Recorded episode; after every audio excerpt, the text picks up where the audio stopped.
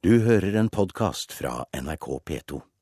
Norge får nå altså sin egen versjon av det til nå særsvenske fenomenet Almedalsvekkan. Hver sommer så møtes svenske politikere, næringslivstopper og pressefolk på Gotland. Forrige uke ble dette arrangert for 44. gang, og arrangementet pleier å tiltrekke seg enorm interesse fra media. Ikke minst for noen år siden, da en av politikerne satte fyr på penger. De här pengarna har vi fått som en gåva för att uppmärksamma den frågan som står høyt på vår dagordning, nemlig lönediskrimineringen. I 2010 satte feminist og politiker Gudrun Schyman Almedalsvekkan på kartet ved å tenne på 100 000 svenske kroner som en protest mot lønnsforskjeller mellom menn og kvinner. Almedalsvekkan er en møteplass for politikere, næringslivstopper og pressefolk i Sverige. Det diskuteres politikk og samfunnsspørsmål. Men uken har fått kritikk for bl.a. å fremstå som et mediesirkus. Nå skal et tilsvarende arrangement starte opp i Arendal. Jo, jeg er klar over at eh, det er en debatt som også kan føres, men eh, man må jo først eh, sette det hele i gang før man eventuelt måtte se utvekster av det. Vi syns det positive vil overskygge eventuelle negative sider. Det er behov for en norsk arena på linje med Almedalsvekkan, sier lederen for Arendalsukens styringsgruppe, tidligere Agderposten-redaktør Stein Gauslå. Vi mangler én arena som uh, samler både politiske topper, uh, næringsliv, kulturliv og det øvrige organisasjonsliv på ett sted, på ett brett, uh, samtidig. Og Det er det vi prøver å få til. Vi skal lage et dansegulv hvor eh, flest mulig oppfordres til å danse. Temaet for Arendalsuken skal være pressefrihet, ytringsfrihet og demokratibygging. Og pågangen fra norsk presse merkes, sier Gausla. Jo, det er stor interesse. Vi, vi, merker det, og flere aviser har allerede eh, meldt seg på. Eh, noen eh, har iallfall sagt til oss at de vil ned og se om de kanskje skal ta en posisjon, slik som svenske aviser gjør på Almedalsvekkan, hvor f.eks. Ekspressen, Aftonbladet, eh, Sveriges Radio, eh, kanskje fremfor noen, eh, har egne stands eh, og eh, selv intervjuer politikere og aktører og gir dette mye plass i sine medier. Fagmedarbeider Gunnar Bodal Johansen ved Institutt for journalistikk mener et slikt arrangement kan være problematisk for den kritiske journalistikken. Det som jeg syns er et problem, hvis vi skal se på det med kritiske øyne, det er at det stadig skapes arenaer hvor eh, journalister, politikere, næringslivsfolk osv. møtes og, som det heter på nå godt norsk, mingler sammen og skaper en i en uformell tone, skaper en fortrolighet, bygger nettverk osv. uten at noen får se hva som faktisk skjer. Når journalister skaper relasjoner med politikere og næringslivstopper, så kan det få uheldige utfall, mener Bodal Johansen. Man bygger nettverk ikke sant, hele tiden. Og hvis dette er en del av den nettverksbyggingen som pågår, så er jo dette ikke uproblematisk for demokratiet.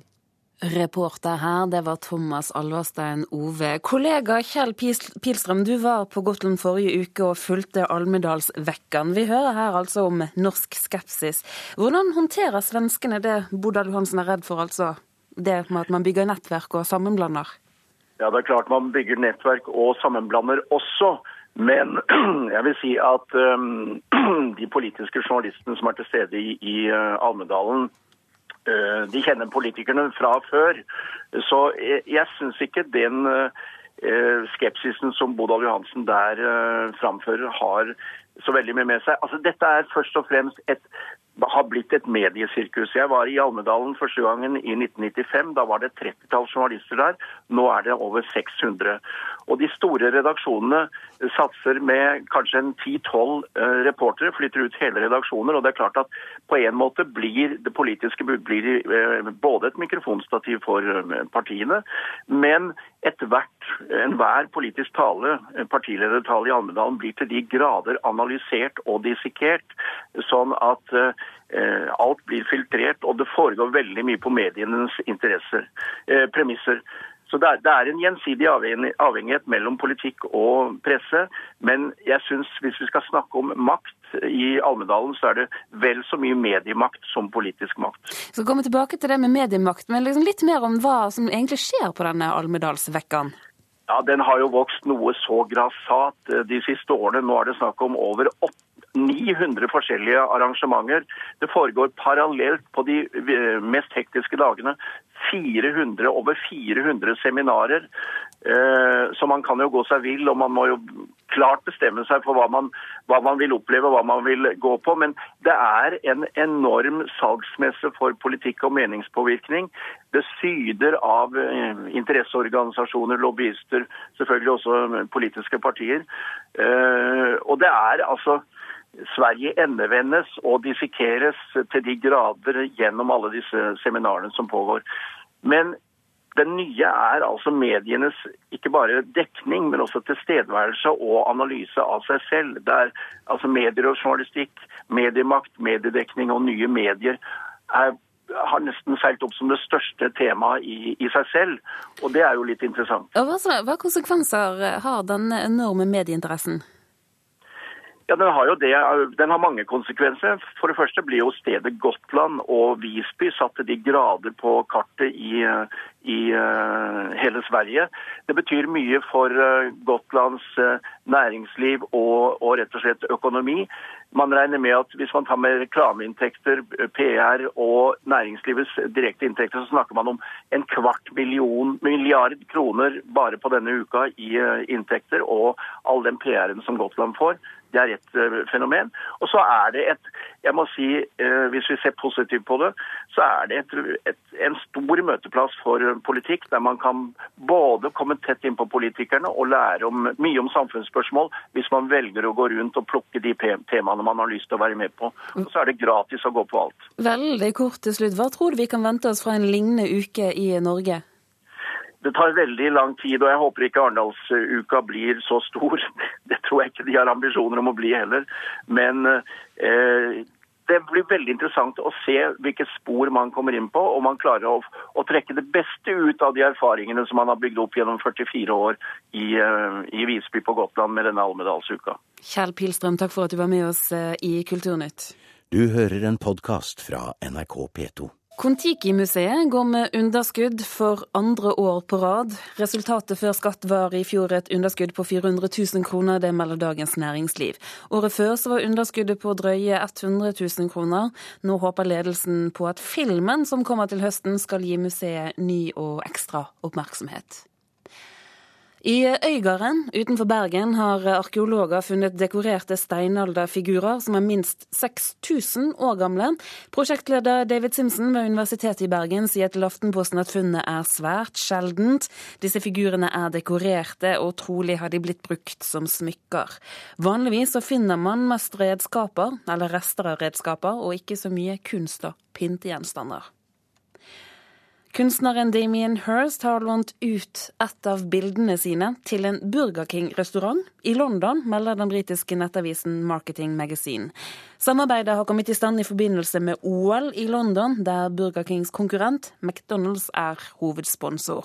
Og Burger King håper nå at kunsten skal lokke til seg kunst- og fastfood-hungrige tilreisende. Du hører en podkast fra NRK P2. 22. juli i fjor så ble store deler av regjeringskvartalet ødelagt i bombeeksplosjonen. Nå holder håndverkere på å skru sammen det verneverdige Finansdepartementet. Den fredede bygningen ble påført store skader, men arbeidet med å restaurere de verneverdige bygningsdelene er enda mer komplisert og tidkrevende enn antatt. Her er jo hele spangulettsiden eh, sprukket. Og mest sannsynlig så har det vinduet her sittet fast i karmen når eh, bomben gikk av. I en gammel tobakksfabrikk på Ensjø i Oslo blir det hamret, busset, boret og saget. Her jobber møbelsnekkere og malere for fullt med restaureringen av vinduene fra Finansdepartementet. Ett år etter terrorangrepet i regjeringskvartalet er det fortsatt mye å gjøre. For her må du støpe om blyet. Eh, du må finne tilbake til de gamle glassene. Og så må det settes sammen. Og dette er jo et rimelig tidkrevende arbeid. Terroristens bilbombe gjorde stor skade på regjeringskvartalet 22.07. i fjor. Deler av restaureringsarbeidet har vært en større utfordring enn antatt, sier malermester og prosjektleder Truls Brattfoss. Det var eh, umulig å si eh, omfanget av dette her. For noen av vinduene ser estetisk veldig greie ut, men når du først begynner å, å, å ta på dem, å si, og begynner å se, så ser du at det er mer skade enn det syns. Men det var mer jobb enn hva vi trodde. Kommunikasjonsdirektør i Statsbygg Hege Njå Rygg sier det omfattende opprydningsarbeidet i regjeringskvartalet er i rute, med unntak av nettopp restaureringen av vinduene fra Finansdepartementet. Eh, vi ser at vi kanskje bruker noe lengre tid på vindusrehabiliteringen. Vi tenkte oss at vi kanskje skulle være ferdig på høsten i denne høsten, men vi regner med å holde på til neste år.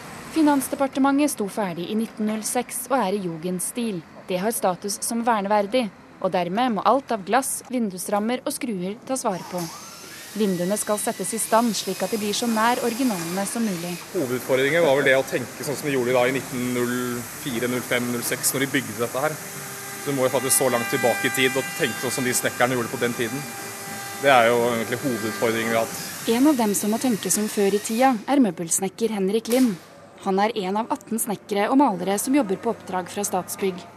Alle vinduene er laget for hånd, og dermed ulike, forklarer Linn. Ja, det som er den største utfordringen, er vel at det ikke det er jo ikke fabriksgjort, men det er håndverk. Så det, det er jo ingen fönster som er like, egentlig. Så, og alle beslag er ulike. Så det er mye Man får gjøre fönster for fönster, for alle er ulike. Så det er vel den største utfordringen, kan man si. Det originale treverket i rammene beholdes så langt det lar seg gjøre. Snekkerne skjøter møysommelig på trebiter der det er ødelagt. Det har også tatt tid å finne verktøy for å kunne lage nye beslag på gamlemåten. Prosjektleder i Statsbygg, Erling Nordsjø, sier det vil ta tid før arbeidet med vinduene er ferdig. Den eh, tempo som vi kjører nå, så har vi ennå over et års produksjon igjen. Og på nrk.no så kan du se bildene fra det omfattende restaureringsarbeidet av Finansdepartementet. Reporteren var Ida Kvittingen og Dario Kverme Birane. Du har hørt en podkast fra NRK P2.